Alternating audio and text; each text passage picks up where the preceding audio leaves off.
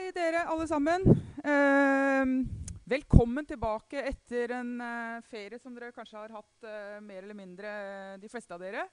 Vi er på ellevte forelesning av 16, så vi nærmer oss eh, siste runde i hellige tekster for denne omgangen. Eh, forelesningen i dag den skal jeg ha sammen med Svein Åge Christoffersen. Han kommer inn litt etter hvert.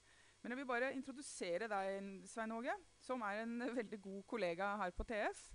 Som underviser i systematisk teologi, og som i de seinere årene har hatt mange prosjekter om de estetiske dimensjonene i religion. Og I dag skal han ha om resepsjon av Bibel i kunsten. Så det gleder vi oss til. Men først vil jeg ha en liten introduksjon, bl.a. for å liksom koble oss litt på helheten i kurset, og litt på den delen av hvilket perspektiv vi er på nå. Uh, og trekke noen tråder litt frem og tilbake, så vi liksom kommer i gang igjen. Det er tross alt nesten en måned siden vi hadde forrige forelesning. Så hvor uh, er vi hen? Hvor er det vi er hen i 1004? Uh, eh, her er fra emnebeskrivelsen, som dere husker. Jeg har sagt til dere mange ganger, Les emnebeskrivelsen fra tid til annen. Der finner vi ut litt sånn retning og orientering på emnet. Som dere husker, så har vi da et samspill av tre ulike perspektiver i dette emnet her. Det første perspektivet, og nå er vi inne i det andre perspektivet. Vi eh, utforsker resepsjonshistorie og ser på tekster som er og har vært sentrale innen kunst, samfunnsliv, kultur og trossamfunn i vår del av verden, og med noen utblikk. Og vi, og vi ser på litteratur og kunst, populærkultur, eh, kultur og samfunn. Det er på en måte den temakretsen vi er eh, inne i nå. Og neste gang har vi om Bibelen i populærkulturen. Så vi er liksom innafor dette perspektivet som handler om resepsjon eller handler om bruk av de hellige tekstene. Og så Tredje perspektiv vi litt, har vi også vært innom og kommer vi også litt tilbake til. Så det er ikke sånn at Vi rendyrker de ulike perspektivene. som dere. Vi går litt ut og inn, Men her, her nå, de neste gangene er det et tydelig fokus på nettopp dette andre perspektivet. Bibelen på teater. Eh, har det noen som har sett den forestillingen? Noen? Nei? Eh, I 2011, når Det Norske Teater fylte 100 år, så valgte de å sette opp som en av de store forestillingene, en av som markerer jubileet, så valgte de å sette opp Bibelen. Sånn? Av alle ting så valgte de det som manus. Og lagde en lang forestilling, eh, først gamle Gammeltestamentet og så Det nye testamentet, mange mange timer, hvor de iscenesatte Bibelen på sin helt spesielle måte. Eh, blant annet så, så eh, Regissøren som da skulle sette opp stykket, før han begynte på prosessen, så, så ble han intervjua i avisa så sa han at han kjøpte sin første bibel ever og leste for første gang Bibelen. Og da ble han som han sa, sjokkert over eh, Guds råhet. Han leste manus, han leste Bibelen som en manus til en teaterforestilling. Og Hans første reaksjon var at det var voldsomt. Hvordan, hvordan Guds karakter er dette? Hvordan, hvordan, skal vi klare oss gjøre dette, iscenesette dette? Som jo er veldig interessant, for man tenker at Bibelen er jo allmannseie. Alle vet hva, hva, Bibelen handler om, alle har jo lest den. Setter han seg ned, så tenker han oi, dette blir en utfordring å gjøre om til teater. Men det ble en, da en suksess, og, og, folk strømmet til teateret og fikk veldig gode anmeldelser når den kom. Bare for å liksom, for si noe om hvordan, hvordan rolle Bibelen har i det norske samfunnet. Jubileumsforestilling til Norsk Teater, da setter vi opp Bibelen. Da er det en god idé. Jeg skal bare vise dere min yndlingstegneserie. Den heter Goliat en eh, amerikansk-irsk eh, tegneserie som rett og slett er eh, helt uten tekst. Det er hvordan det, er, hvordan det egentlig er å være Goliat. David og Goliat. Det er jo David som liksom er helten i den bibelske fortellingen. Men her så er det, liksom, det Goliat som er så innmari stor og sterk. Det er jo hele poenget med han. han. Det er hvordan han egentlig har det inni seg. Han har egentlig bare lyst til å sitte på kontor og jobbe med papirhusarbeider og litt sånn administrasjon. Det er hans kalde livet. Så han blir litt sånn frustrert over at alle pusher han ut til å slåss hele tida. Og den lille David liksom. Så det er rett og slett en sånn innlevelse fra den andre siden. da. En tegneserie om hvordan det, liksom, hvordan det kan ha vært å egentlig være han. Den er veldig, veldig fin. Oversatt til, norsk, til nynorsk for noen år siden. Resepsjon av Bibelen. Um, og så skal vi ha et lite sideblikk. Jeg la ut i fronter til dere en, en leseanbefaling i påsken for de som ikke hadde noe annet å gjøre siste nummer av Samtiden, eh, som er rett og slett en temanummer om Koranen. Og En av de temaene vi har her på, på, på emnet, er jo nettopp bru, altså hvordan Koranen, hvordan de tekstene brukes eh, i en litt bredere samfunnskontekst. Blant annet er det, jeg har link til en Morgenbladet-artikkel også som omtaler nettopp dette. Eh, og den Artikkelen heter 'Forsøk på å beskrive det utilnærmelige'. Eh, og da er det store spørsmålet er norske forfattere redde for å bruke Koranen litterært. Det er det den artikkelen ønsker å belyse. Hva er det som gjør at, at, vi, at vi, i så liten grad finner Koranen gjengitt i, i norsk litteratur? Hva er det som gjør det? Eh, blant annet så refereres det da til en eh, 15 år gammelt eh, intervju med Jan Kjærstad, som nettopp sier at nå for 15 år siden, nå må vi norske forfattere begynne å lese Koranen. Det er en flott tekst, det er en viktig tekst, det er en kulturell tekst. Nå må vi begynne å lese den, nå må vi begynne å trekke den inn. Og Så ser han da tilbake 15 år etter. Har det egentlig skjedd noe? Har, vi, har egentlig Koranen blitt en, en, kulturell tekst i Norge? Så konkluderer han med at det har, det, det har egentlig ikke skjedd. Det, dessverre har det egentlig ikke skjedd. Eh, og han peker på eh, eh, mulige årsaker til det. han peker på, på frykt, altså at man ikke, man ikke, gjør det fordi man ikke tør. Og så peker han på det han kaller for fortellingshunger. At de er, de er, Tekstene er ikke sånn fortellingsmessige. Det er ikke det de har appell til. Vi, vi, skjønner ikke helt sjangeren. Forfatterne skjønner ikke helt sjangeren, klarer ikke helt å forholde seg til Koranen. Eh, Adel Khan Farouk, han mener at, som også er forfatter, mener at det er mangel på kunnskap Norske forfattere, litter, norsk litteratur har ikke nok kunnskap om Koranen. De har, de har, ikke gått på det kurset som dere går på. De har ikke sittet inne og lest Koranen og lest kildetekster og jobba med kildetekster. Nok, vi har ikke nok kunnskap, ikke fra skoleverket og ikke fra allmennheten. Vi, vi kan ikke nok.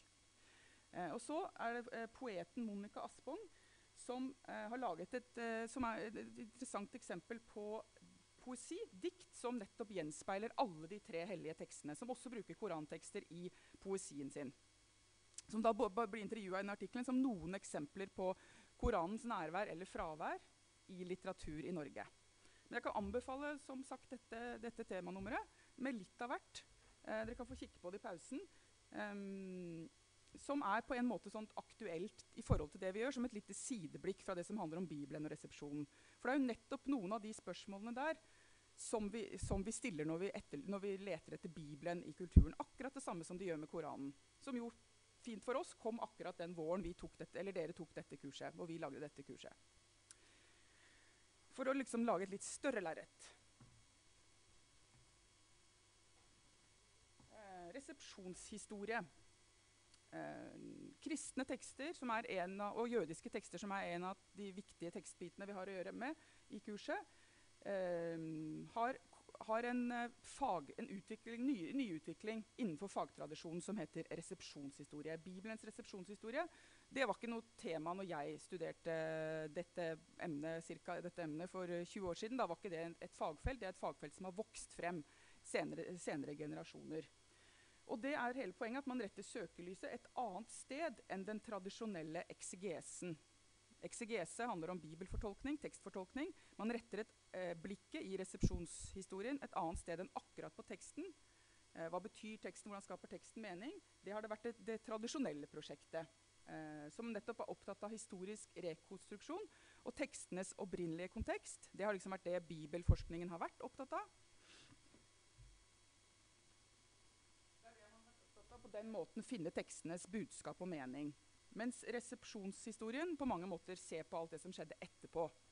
Hvordan har tekstene blitt fortolka, hvordan har de blitt brukt, hvordan har de blitt levendegjort, hvordan fins de i kunsten, hvordan fins de i poesien, hvordan var det i middelalderen? Alt det, all tekstbruk, noen vil si bruk og misbruk, gjennom hele historien, det er nettopp fokus for resepsjonshistorien. Som har vokst frem som et utrolig eh, mangfoldig fagfelt, som dere har mye av på pensum de siste årene.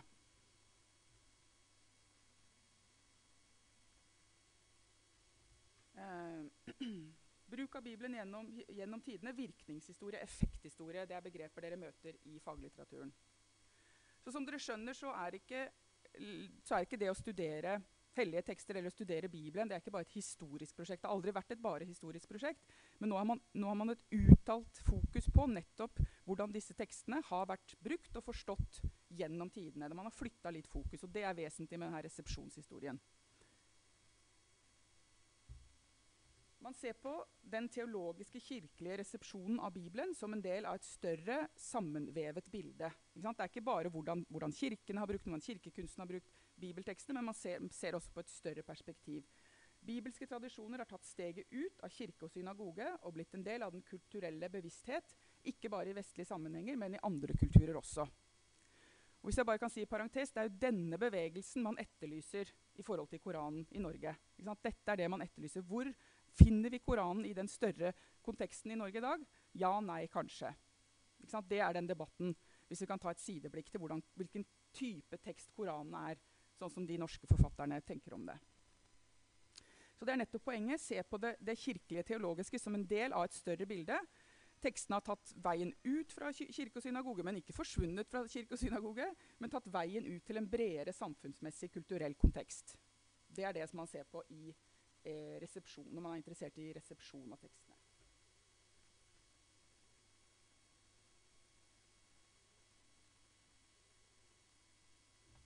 Bibels resepsjon eh, og tverrfaglige samtaler. Dette er bare for å vise dere hvilke typer samtaler det åpner opp når man ser på Bibelen på denne måten. Noen eh, teologisk bruk og fortolkning. Selvfølgelig Bibelen har vært en sentral teologisk tekst. Kirkehistorie, etikk, dogmatikk osv. Det er helt, helt, åpenbart at Bibelen har spilt en viktig rolle i de fagfeltene. Men i forhold til Bibel og resepsjon så har også eh, man har åpna et, et, større interreligiøst eh, perspektiv. Vi skal bl.a. se på Abrahamstekstene om et par undervisningsganger. Da ser vi nettopp hvordan hele den resepsjonstanken eh, går langt utover eh, bare hellige tekstkonteksten. Den går over i en, en hel rekke med fagfelt som vi skal se på Abraham i forhold til. Det kommer om et par ganger, men bare for å liksom, peke på det også. Um, man har også sett på det, en, et et, prosjekt som heter 'Bibelske karakterer i de tre tradisjonene'. Som handler om å se på hvordan ulike bibelske karakterer Først i Det gamle testamentet, jødiske tekstene, eh, Nytestamentet, eh, Koranen Hvordan de, hvordan de sam, samme figurene eh, dukker opp på litt forskjellige måter i de ulike tekstene. Et annet felt som er spennende, som jeg nevner nå, fordi han, dere skal ha Ole Jakob Løland, som skal være lærer neste gang, han disputerer, altså han tar doktorgrad på TF med en disputas på fredag, hvis noen har lyst til å komme, her i U40. Og han har nettopp jobba med Paulus' rolle innenfor nyere filosofi. Hvordan, hvordan, han jobber da med Taubes og Sicek. Hvordan de to filosofene, veldig forskjellige filosofene har brukt eh, Paulus sine brev inn i en filosofisk sammenheng som på en litt uventa måte.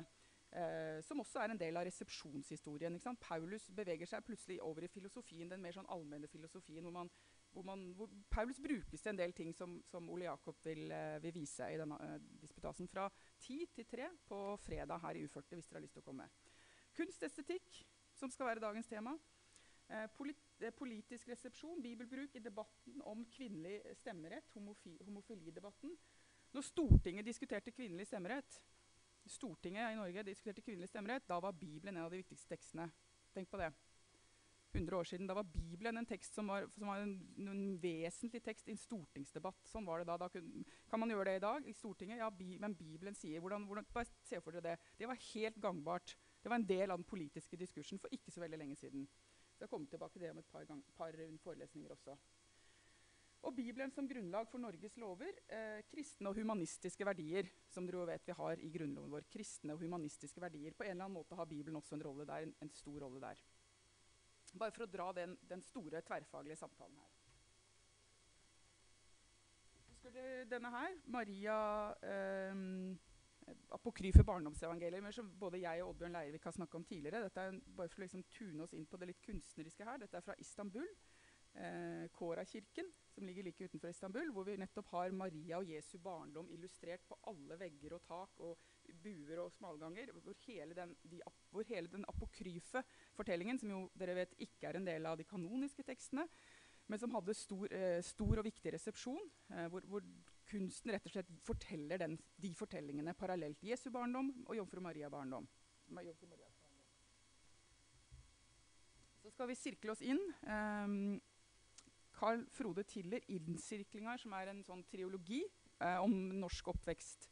Eh, dette er fra bok nummer to, hvor han eh, går litt ut og inn av Bibelen. skal du høre hva han skriver. Men det verste var likevel ja, Jeg må nesten fortelle konteksten. Konteksten er om, om, Johanna, som da er veldig opptatt av Bibelen, og som skremmer barna med Bibelen. for å si det forsiktig. Men dette er på en måte et tidsbilde av hvordan Bibelen levde på 70-tallet eh, i en norsk-trøndersk kontekst sier han. Men det verste var likevel når Johanna fortalte det historier fra Bibelen. Vil si, hun tok utgangspunkt i historier fra Bibelen, og så dikta hun videre på dem og gjorde dem enda mer skremmende enn de var. Jeg hadde først vanskelig for å forestille meg hvordan de verste historiene fra Det gamle testamentet kunne gjøres verre enn de var, men nei da. Det var bare å fortelle på en slik måte at stoffet kom nærmere den som hørte på. En gang du fikk salt inn i et åpent sår, og du gret og bar deg fordi det svei og gjorde vondt, nytta f.eks. Johanna anledninga til å fortelle om hvor mye verre de som var i helvete, hadde det. Ja, så som du hører eh, norsk, norsk, sekulær oppvekst hadde også bi bibelfortelling, og, og, til og med enda verre enn bibelfortelling, som en del av en sånn, sånn, sånn måte hvor Bibelen levde. I det her litt sånn spenningsfylte 70-tallet som eh, Carl Frode Tiller eh, beskriver ett av veldig mange eksempler. Dere har jo lest den teksten av uh, Knausgård til nå. Også, også, hvordan han i mange av sine uh, bøker er tett på Bibelen og bibelske fortellinger. Men her var altså et annet eksempel fra Carl Frode Tiller. Så da, Før jeg overlater ordet til Svein Åge Bibelens resepsjonshistorie, er det, er det et kontroversielt tema? Flytter det fokus? Flytter det fokus fra tekstene over på bruk av tekstene? Eh, noen vil si at det forskyver på en måte hele fagets poeng, nemlig det å forstå og fortolke tekstene i sin opprinnelige kontekst. Um, og det, det, det, er en fare for da at hele, det, hele den, hele den liksom kjernen i disiplinen bibelfag forsvinner. Og hvis den forsvinner og bare fragmenteres ut i sånn ble den lest gjennom historien, ja, hva er det da igjen? Glemmer vi da å lese de tekstene, for, for, forsøke å forstå de tekstene i sin kontekst? Så kan man jo spørre er all resepsjon like vesentlig. Er det, er det viktig at, uh, at skjønnlitteratur eller malere eller, eller sånn, er, det, er, det, noe ves, altså er det noe, hva, hva, skal vi lære om det? Er det viktig å vite noe om det? Og hvem er det som eier Bibelen? Kan hvem som helst si hva som helst? Kan, kan Carl Frode Tiller liksom gjøre det enda verre? Altså, hva, går det noen grenser? Er det liksom fritt frem? Er det noen grenser for resepsjon? Er det noe etikk her? Er det noen noe liksom standarder? Skal, hva, hva, hvis folk føler seg krenka? Eh, hvordan kan resepsjonen av Bibelen bety noe i møtet mellom hellige skrifter i ulike tradisjoner? Ja, nettopp det som er et av fokusene for, våre, for våre, våre må, vår måte å lese tekst på dette kurset. Er det noe potensial der i forhold til religionsmøter, i forhold til resepsjon, ulik resepsjon? F.eks. Eh, så skal vi ha om i den forelesningen 2. mai så får vi besøk av en fra synagogen og en fra en moské som skal resitere eh, tekster for oss, som skal synge tekster fra Koranen og fra de jødiske tekstene. Så vi rett og slett får hørt det. Er det, er det, er det en annen type resepsjon? Er det, er det noen mulighet der for å møtes på en eller annen måte? Og hvordan kan kunnskap om resepsjon spille tilbake på fortolkning av tekstene? Kanskje er det viktig hvordan folk har fortolket tekstene gjennom tidene. Kanskje er det noe i kunsten, kanskje er det noe i poesien, kanskje er det noe i middelalderens mystikk som nettopp kan gi inspirasjon tilbake som endrer hvordan man leser tekstene. Ikke bare for, så vi vet hvordan de leser tekstene, men også i forhold til hvordan vi leser tekstene i dag. Fordi vi bærer med oss hele den resepsjonshistorien og kan ikke komme utenom. Så Det er bare noen sånne spørsmål å ha i bakhodet som vi kommer til å komme tilbake til. Kanskje særlig neste gang hvor vi skal ha om Bibelen i populærkulturen. Og de som har kikka på den boka, vet jo at der er det litt av hvert. kan du si. Så, og er det helt greit? Og, og hva hvis noen syns det går over alle grenser? Hvor, hvor er liksom, hva er innafor her? Bare for å ha det som en sånn refleksjon i bakhodet. Og så, så er det deg, Svein Åge. Bare sånn siste, Dere leste den artikkelen av Gitte Buch-Hansen i den boka her om uh, synd, sukker og slaveri. Nettopp om den fortellingen om den etiopiske evenukken i et Rembrandt-bilde. Hvordan det bildet representerer uh, en bibelfortolkning som er veldig tidstypisk. Som nettopp kommer fra den tiden hvor Rembrandt levde. Hvor det ligger en politisk, kolonial, postkolonial agenda på et eller annet måte inni den inni, den, uh, inni det bildet. Som et sånt slags hopp over til neste del av forelesningen. Så da trer jeg tilbake, Svein Åge. Gjør det.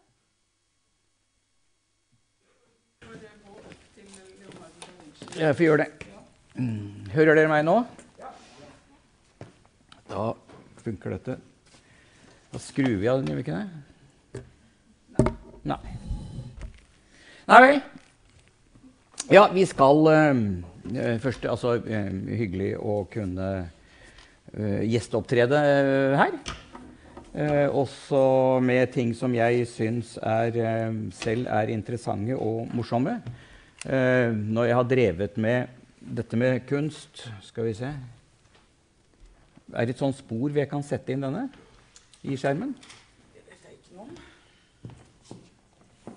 Nei, det er denne her. Skal vi se Der. Ja, det er den. Der, da. Ehm, så er det fordi jeg syns det er morsomt. Uh, og uh, tankevekkende på veldig mange måter. Uh, og eh, vi skal se, altså, se på noen eksempler på resepsjon av Bibelen i kunsten. Ehm, det er morsomt, syns jeg. Det må dere få med om hva dere vil. Men, men, det er en viktig form for resepsjon. Altså, det, er en, det er en veldig oversett form for resepsjon. Det er ikke den type resepsjon som eh, verken teologer eller egentlig historikere har brydd seg veldig mye om. Annet enn som bibelillustrasjon. Altså, man har bibelteksten, og den er jo fin, selvfølgelig, og så er det noen som har laget bilder av den. Men, men teksten er det primære. Eh, jeg mener at eh, bildene, for å bare holde oss bare til dem, er eh, en eh, oversett, men veldig viktig del, viktigere enn vi tror. De eksemplene som jeg nå skal prøve å manøvrere oss igjennom, skal både helst vise at det kan være ganske viktig, men lære oss noe om resepsjon i billedkunst. Eh, det er ikke noe dypdykk. Eh, jeg har en, en kollega i USA, Erik Sjolkowski. Han er med på å redigere et oppslagsverk om eh, Bibelen og dens resepsjon. Og det er foreløpig planlagt i 30 bind. Så, så vi, det er et ganske svært materiale, og, og det er et oppslagsverk. Så, så ikke vi, vi, skal ikke vi skal ikke forsøke å sammenfatte de 30 bindene, som ikke er laga ennå. Men, men, noen av de eksemplene jeg skal bruke, vil forhåpentligvis gi en form for inntrykk av hva det er vi steller med. Eh, jeg vet ikke hvor mye vi rekker. Eh, det er litt avhengig av eh, dere også. Men jeg skal forsøke å, å få plass til tingene på en, en rimelig måte. Og så er jo en av de viktige tingene ved resepsjonshistorien at den minner oss om at Eh, er, eh, vi er en del av den. Altså, dere er selv et stykke resepsjonshistorie, for det er det dere gjør nå. Dere driver resepsjon. Det er en særegen form for resepsjon som drives her på et universitet. Eh, den er ganske ny i historien, ny i Kirkens historie, men det er resepsjon. Vi kan si at det er det historie når det foregår nå. Ja, i morgen er det i hvert fall historie. Eh, og noen vil se, kunne se tilbake på det vi gjør i et kurs om dette, eller som man gjør på universitetet eller på universiteter i dag, og si dette var en veldig spesiell form for resepsjon, gitt. Og sånn sett så er alt resepsjonshistorie. Vi står ikke utenfor den og ser tilbake på den. og Noen drev med det, vi gjør ikke det. Jo, vi gjør det. Vi er et stykke resepsjonshistorie eh, i små, liten skala. Eh, jeg tenkte jeg skulle begynne med et, eh, et, et, et eh, bilde som jo alle kjenner, går jeg ut ifra. Og det helt banale spørsmålet er jo Og hva er nå dette, da? Hvilken bibeltekst er dette? Ja, det er nok det. Og allerede her begynner, Det er jo nadværen. Vi begynner jo allerede her litt feil. Fordi eh, det vi egentlig burde gjøre først, var å beskrive bildet. Hva er det vi ser? Før vi begynner å fortolke det. Det er klart, I det vi ser, ligger det også en fortolkning. Men vi ser altså 13 mennesker som sitter rundt et bord. Eller ikke rundt det bordet helt, men de sitter ved et bord. Og vi ser at det er en hovedperson, helt åpenbart, og så er det da tolv andre. Én pluss tolv. Da er vi jo allerede inn i noe som gir oss noen nøkler til en fortolkning. Så er det klart, vi vet jo at dette er nadværen. Og vi vet at den spiller på noen bibeltekster eh, om Jesus' siste måltid med disiplene. Eh, og vi tar den vel ofte som en sånn illustrasjon. Eh, og så er det noen signifikante ting i det bildet som vi kanskje ikke umiddelbart tenker over når vi sier Jaha, dette er et bilde. Det er, det er 12 pluss 1, og, og, de spiser. Og dette er, og det er i et kloster. Dette bildet befinner seg i spisesalen i et kloster. Så liksom det, det, begynner å bli veldig lett å se at det er nadvern. Eh, og så har vi løst problemet. Og så er det neste bilde. Nei, vi er ikke helt der. Fordi det foregår jo noe i det bildet. Når skjer dette? Når har vi den siste nadverden? Eller da skal vi si, det går an å spørre når er det dette som bildet fremstiller, skjer?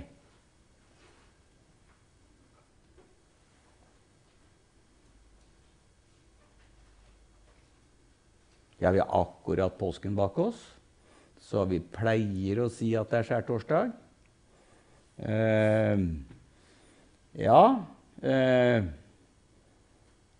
Det skjer altså, det altså Innledningen til den teksten som vi har i de tre synoptiske evangeliene, Matteus, Markus og Lukas, i den natta han ble forrådt. Ja, det er i den natten han ble forrådt.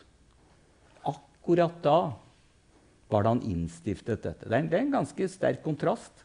Det, det, ble regnet som et kjærlighetsmåltid av de første kristne. Altså agapemåltidet, som de sa. Når gjorde han det?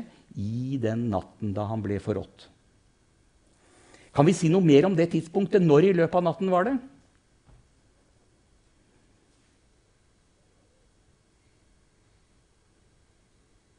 Ja, vi kan det. Det er jo i vilt opprør. De snakker sammen, de peker. Alt taler for at Jesus ak akkurat nå har sagt det som sjokkerer. Én kommer til å forråde meg. Altså, ja.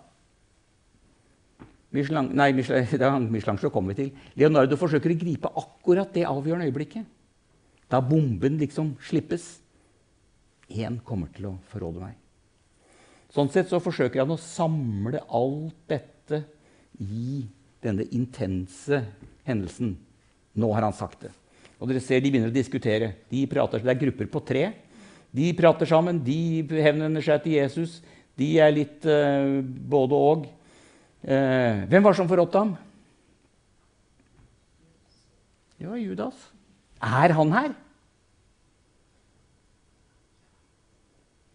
Ja, hvor er han? Det er ikke så lett å se på det bildet, men han er her fordi han holder en, eh, en pengepung i hånden. Og hvorfor gjør han det?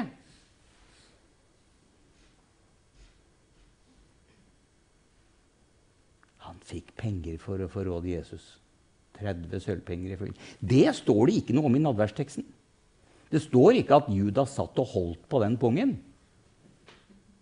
Men for å fortelle oss hvem Judas er, så bringes det inn. Kunne man si noe mer om Judas også, når han først er der? For det første så er han den laveste. Behøvde han å ha vært med?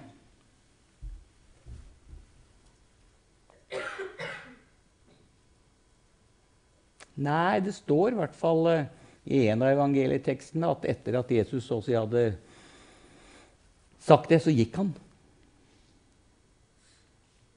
Men uh, Leonardo har valgt å ta det øyeblikket da han var til stede. Um, og holdt det fast. Og han har gjort én ting til. Ofte så blir Judas plassert liksom litt på siden, ofte med ryggen til at man markerer han er skurken. Han er ikke én av de tolv, egentlig. Og det ble etter Jesu oppstandelse valgt en ny istedenfor Judas. Men Leonardo har valgt å inkludere ham. Og det er jo ganske interessant. Fordi det er i en spisesal hvor de kristne munkene i klosteret spiser. Så dermed så, så inkluderes på en måte erkeforbryteren i det fellesskapet. Han er ikke utafor. Kanskje er han ikke bare på bildet. Kanskje er han også i salen. Ja? Jeg tenkte at du sa at eh, det var et spisesal i Ja.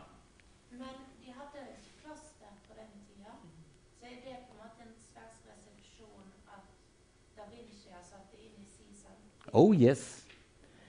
Det fortolkes inn i Nei, dette er, dette er et sted i Jerusalem. Eh, et eh, rom som de har leid, ifølge tekstene. Eh, men bildet Og bildet gjengir ikke et klosterrom, men det henger i et kloster. Det er i spisesalen der øh, øh, øh, munkene spiser. Slik at dette blir på en måte noe som omfatter dem også. Det er ikke tilfeldig at det er i en form for spisesal. Vi kan kjenne igjen alle disiplene her. Eh, Peter ser vi også hvis vi ser litt nærmere på ham. Han sitter der. Hvordan ser vi at det er Peter? Ofte har Peter en nøkkel, eh, fordi det står i et av evangeliene at det er himmelrikets nøkler han skal få. Men her har han ikke en nøkkel, her har han en, han har en kniv. Han har en kniv. Og det er jo fordi det fortelles senere at da Jesus ble arrestert, og Peter var en litt oppfarende fyr, høyt temperament og oppe på tærne fort, så han trekker kniven og skal skjære av eh, øret, står det i en annen tekst. Skjære av øret av en av, av, av de som er til stede. Så ved å legge inn sånne ting står ikke noe i evangelieteksten om det. At han satt der med en kniv i hånden. Men det forteller oss noe om hvem han er i det bildet. Og så ser vi en, en, en nok en person. Eh, litt sånn eh, mer feminin enn de andre. Vi regner med at det er Johannes. Som ifølge Johannes-evangeliet var den disippelen Jesus elsket. Denne disippelen omtales i Johannes-evangeliet, eh, men vi får aldri noe navn. Men eh, vi antar det. Og det er jo eh, liten sving til. Og det er jo interessant, fordi da er det Johannes-evangeliet som er én referanse her. Men Johannes forteller jo ikke om dette måltidet. Han forteller om fotvaskelsen. Han forteller om at de spiste, og at Jesus sier dette. Men han innstifter ikke nadværen Johans evangeliet. Han innstifter fotvaskelsen. Så sånn sett så er dette ikke én bibeltekst. Det er mange. Og der vi sier sånn er hos Lukas, sånn er hos Matteus, sånn er hos Markus, og sånn er det hos Johannes, der sier bildet vi kobler det. Vi, vi holder dem sammen. Dere lærer å skille. Dere lærer å si det er den teksten, det er den teksten. Vi må ikke blande Johannes og Matteus. Det gjør Leonardo, for han sier det henger sammen. Vi kobler ting sammen. En av de spennende tingene ved et bilde er at de kobler ting sammen. Der vi har liksom lært oss vår form for resepsjon, er å dele opp. Resepsjonshistorien opp til, si, til oss har i mye større grad vært opptatt av sammenhenger. Leonardo skaper en sammenheng. Kobler tekster sammen. Prøver å få tak i det dramatiske øyeblikket. Der skjer det. Judas er med. Det kommer vi ikke utenom. Peter, som den oppfarende fyren han er, sitter allerede klar med kniven. Og så har det bildet som dere kanskje vet, fått en egen resepsjonshistorie. Fordi det er blitt ikke bare fortolket i kunsthistorien, og alt sånn, men Dan Brown har skrevet bok om det, det er laget film om det, man har spunnet videre på det. Så bildet er blitt resipert. Bare som en litt første smak. Nå hadde du et spørsmål.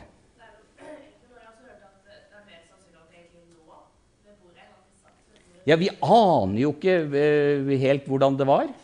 Det står ingenting om det i teksten. Uh, kanskje lå de til bords. Det var en romersk skikk. Men jeg uh, tror ikke alle lå til bords på den tida. Men, men ikke noe. Vi vet ikke hva som var på bordet, annet enn at det antageligvis var et påskelam. vi vet ikke hvordan de var kledd, vi vet ikke hvilke farger som var brukt. Ikke noe av dette vet vi. Men kunstneren må altså gi det et konkret, sansbart innhold. Som så igjen styrer vår oppmerksomhet. Da har vi gjort et lite Ja, skal du ha en kommentar? Nei, jeg bare syns det er så interessant i den natt, og så er det helt lyst ute. Er det noe Hva er det liksom Det er nok, og det vet jeg ikke, men, men det er jo for å skape dette perspektivet som nå kommer. Dette at du kan, måte, kan se inn i et bilde. At bildet som er én flate Det fins ingen dybde i et bilde. Vi lures til å tro det ved at han bruker et perspektiv. Og det blir jo så mye, mye bedre ved at det er en lys bakgrunn hvor vi ser igjennom og ut i et landskap. Og Det er sikkert ikke tilfeldig. Jeg vet ikke noe særlig mer om det landskapet. Men disse landskapene som ligger bak i en rekke av disse renessansebildene, spilte også rolle. Vi er i en kultur hvor folk kan lese bilder, og hvor alt betyr noe. Og vi er noviser i den sammenhengen. Vi må lese oss til hva ting betyr. På den tiden kunne man lese bilder. Det var det man gjorde. La oss ta navn. Hva er dette? Det er Caravaggio, år 1600. Det er også en bibelfortelling. Hva ser dere?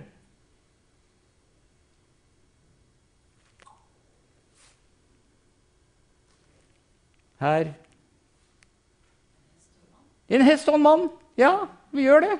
Vi ser en hest og en mann. Det er ikke vanskeligere. Og mannen, han, hvor befinner han seg? Han Ja, på gulvet. Nei, Og så er det en mann til, er det ikke det? Ja. Det er, han ligger på gulvet, og noen har sagt at det ser som en, en ulykke i stallen. Eh, men det er en bibeltekst. Ja? Det er Paulus. Og hvor er han egentlig? Er han i stallen? Nei, han detter av hesten fordi han møter Jesus Ja, og hvor er, hvor er han på vei hen?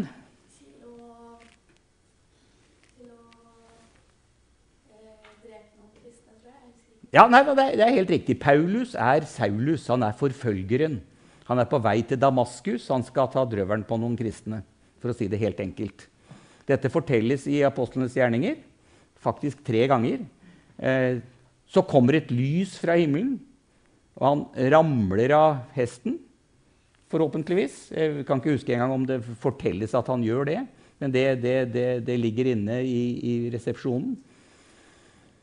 Eh, og det er Jesus. 'Hvorfor forfølger du meg?' sier 'Hvem er du, Herre?' spør, hvem er du, spør Paulus. Og, og, eller Saulus. Og, og eh, han får høre 'Jeg er Jesus som du forfølger. Hvorfor forfølger du meg?' osv. Så, så blir han misjonæren Paulus. Dette øyeblikket, hvor han akkurat har ramla av hesten, det fanger Caravaggio opp. Og så er det en meget bestemt fortolkning av hva dette er. La oss ta et annet eksempel på det samme. Dette er akkurat samme hendelse. Det er Michelangelos, laget noen år før. Eh, Caravaggio het også Michelangelo.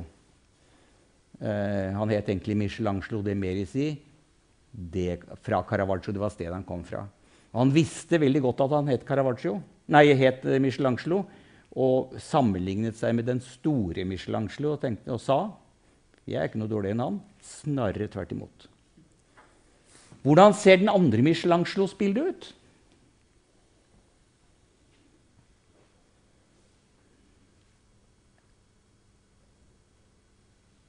Hvis dere skulle liksom bare, bare begynne å karakterisere det? Ja, kom igjen. Altså,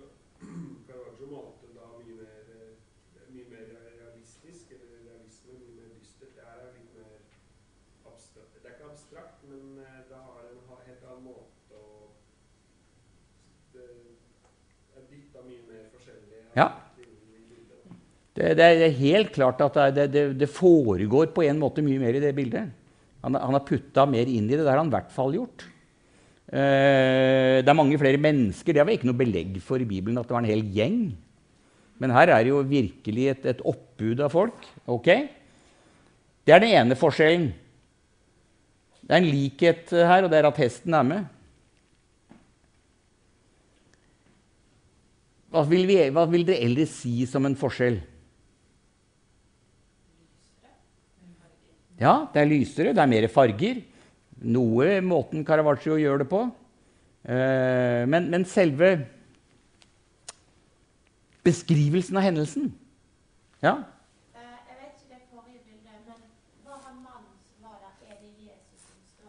nei. Det er bare en som også nesten, Vi er nesten i stallen, så han tar seg av hesten. Ja, ok. Fordi jeg s- ellers skulle jeg si at eh, For da har det vært å møte Jesus ganske konkret der, mens på det andre bildet så er det veldig fra oven og ned. Ja, men det er fortsatt det er, det er et godt poeng i det du sier, altså, selv om ikke det var Jesus. Um,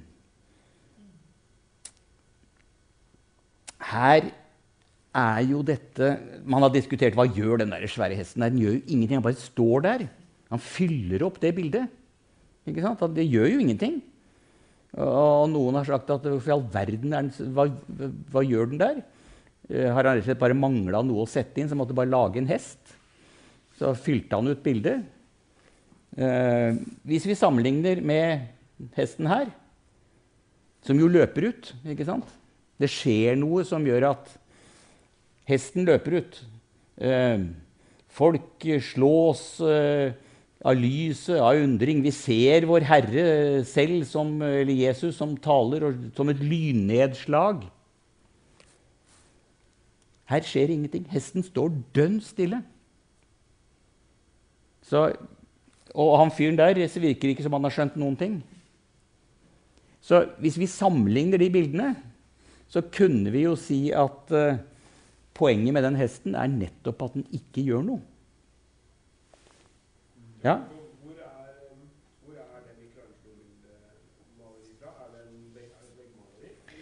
Det? Er er er dessverre, eh, for å si det sånn, eh, i et kapell i Vatikanet.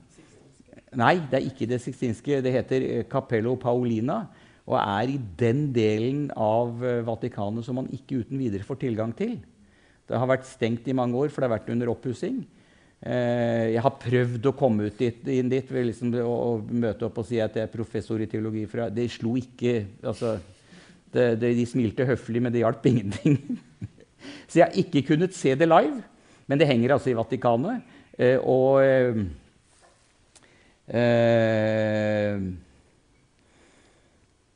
Hvis vi sammenligner de to bildene igjen, så ser vi at dette er en ytre begivenhet. Altså det skjer i det rommet som alle har tilgang til. Hesten til og med reagerer. Folk reagerer. Her er det ingen andre enn Paulus som reagerer. Så her er dette en indre opplevelse. Det er noe Paulus opplever, men det er ikke noe ytre. Det er ikke objektivt, om du vil. Det er subjektivt. Så Caravaggio har valgt å, i dette bildet, som da altså illustrerer denne fortellingen, og så sier vi nå vet vi det, neste bilde. Nei, stopp. Han fortolker denne hendelsen som en indre, subjektiv opplevelse. Og, hele, og det får han fram ved å la den hesten stå dønn stille. Mens den der, den løper som bare det. Her skjer det ingenting som får den hesten til å bevege seg. Her gjør det det. En ting til. Dette er, her kommer lynnedslaget, vil jeg si, som dom. Ikke sant? Det kommer som et sånt ovenifra. Slår ned, hesten løper ut, folk kastes til jorden. Her skjer det som nåde. Han ligger bare og tar imot. Så i disse to bildene fortolkes den teksten i to radikalt forskjellige måter. Den ene sier dette er en indre, subjektiv opplevelse. En spirituell, en åndelig opplevelse. Den andre sier det er noe ytre. Noe som rammer alle, som alle kan se. Her sier man, sier Caravaggio, det er nåde. Han ligger bare og tar imot. Hershibish Langslo, som var en domsprofet, det ser man i sin siste kapell, dette var dom. Dette var dom over Saulus, som var en kristen forfølger. Så det ligger radikalt forskjellige fortolkninger av den teksten i de to bildene. Skal vi ta en sånn Ja, det er ett minutt igjen, men dere kanskje får få den. Kan dere tenke på hva dette er?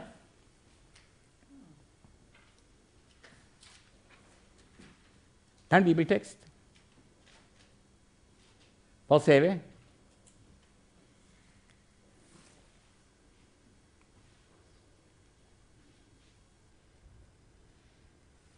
Ja, vi ser en mann. Det er ikke til å komme fra. Og vi ser en kvinne. Og hun strekker vel hånden mot ham. Sånn. Og han trekker seg litt tilbake. Ja?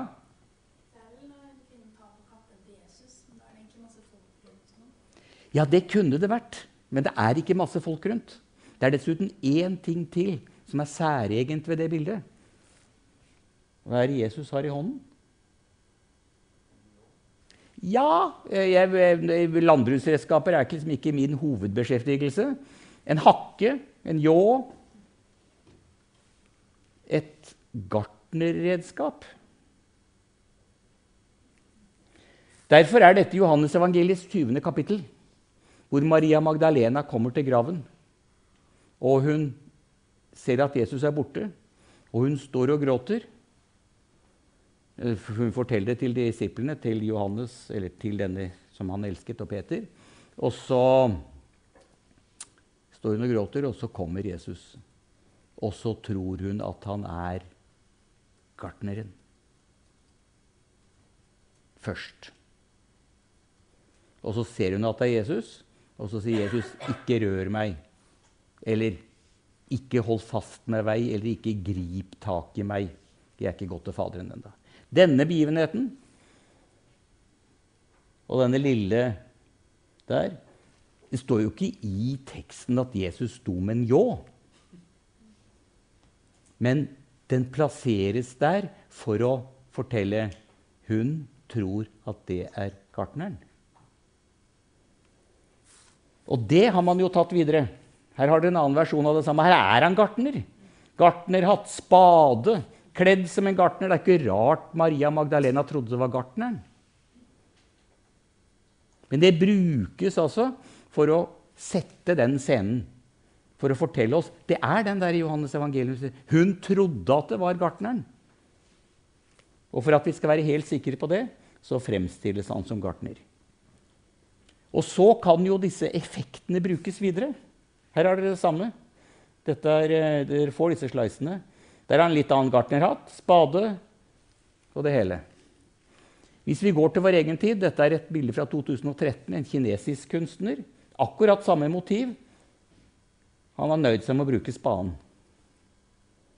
Han drar med seg rekvisitten. Gartnerrekvisitten. Som forteller oss ah, dette er dette 'ikke rør meg'-bildet.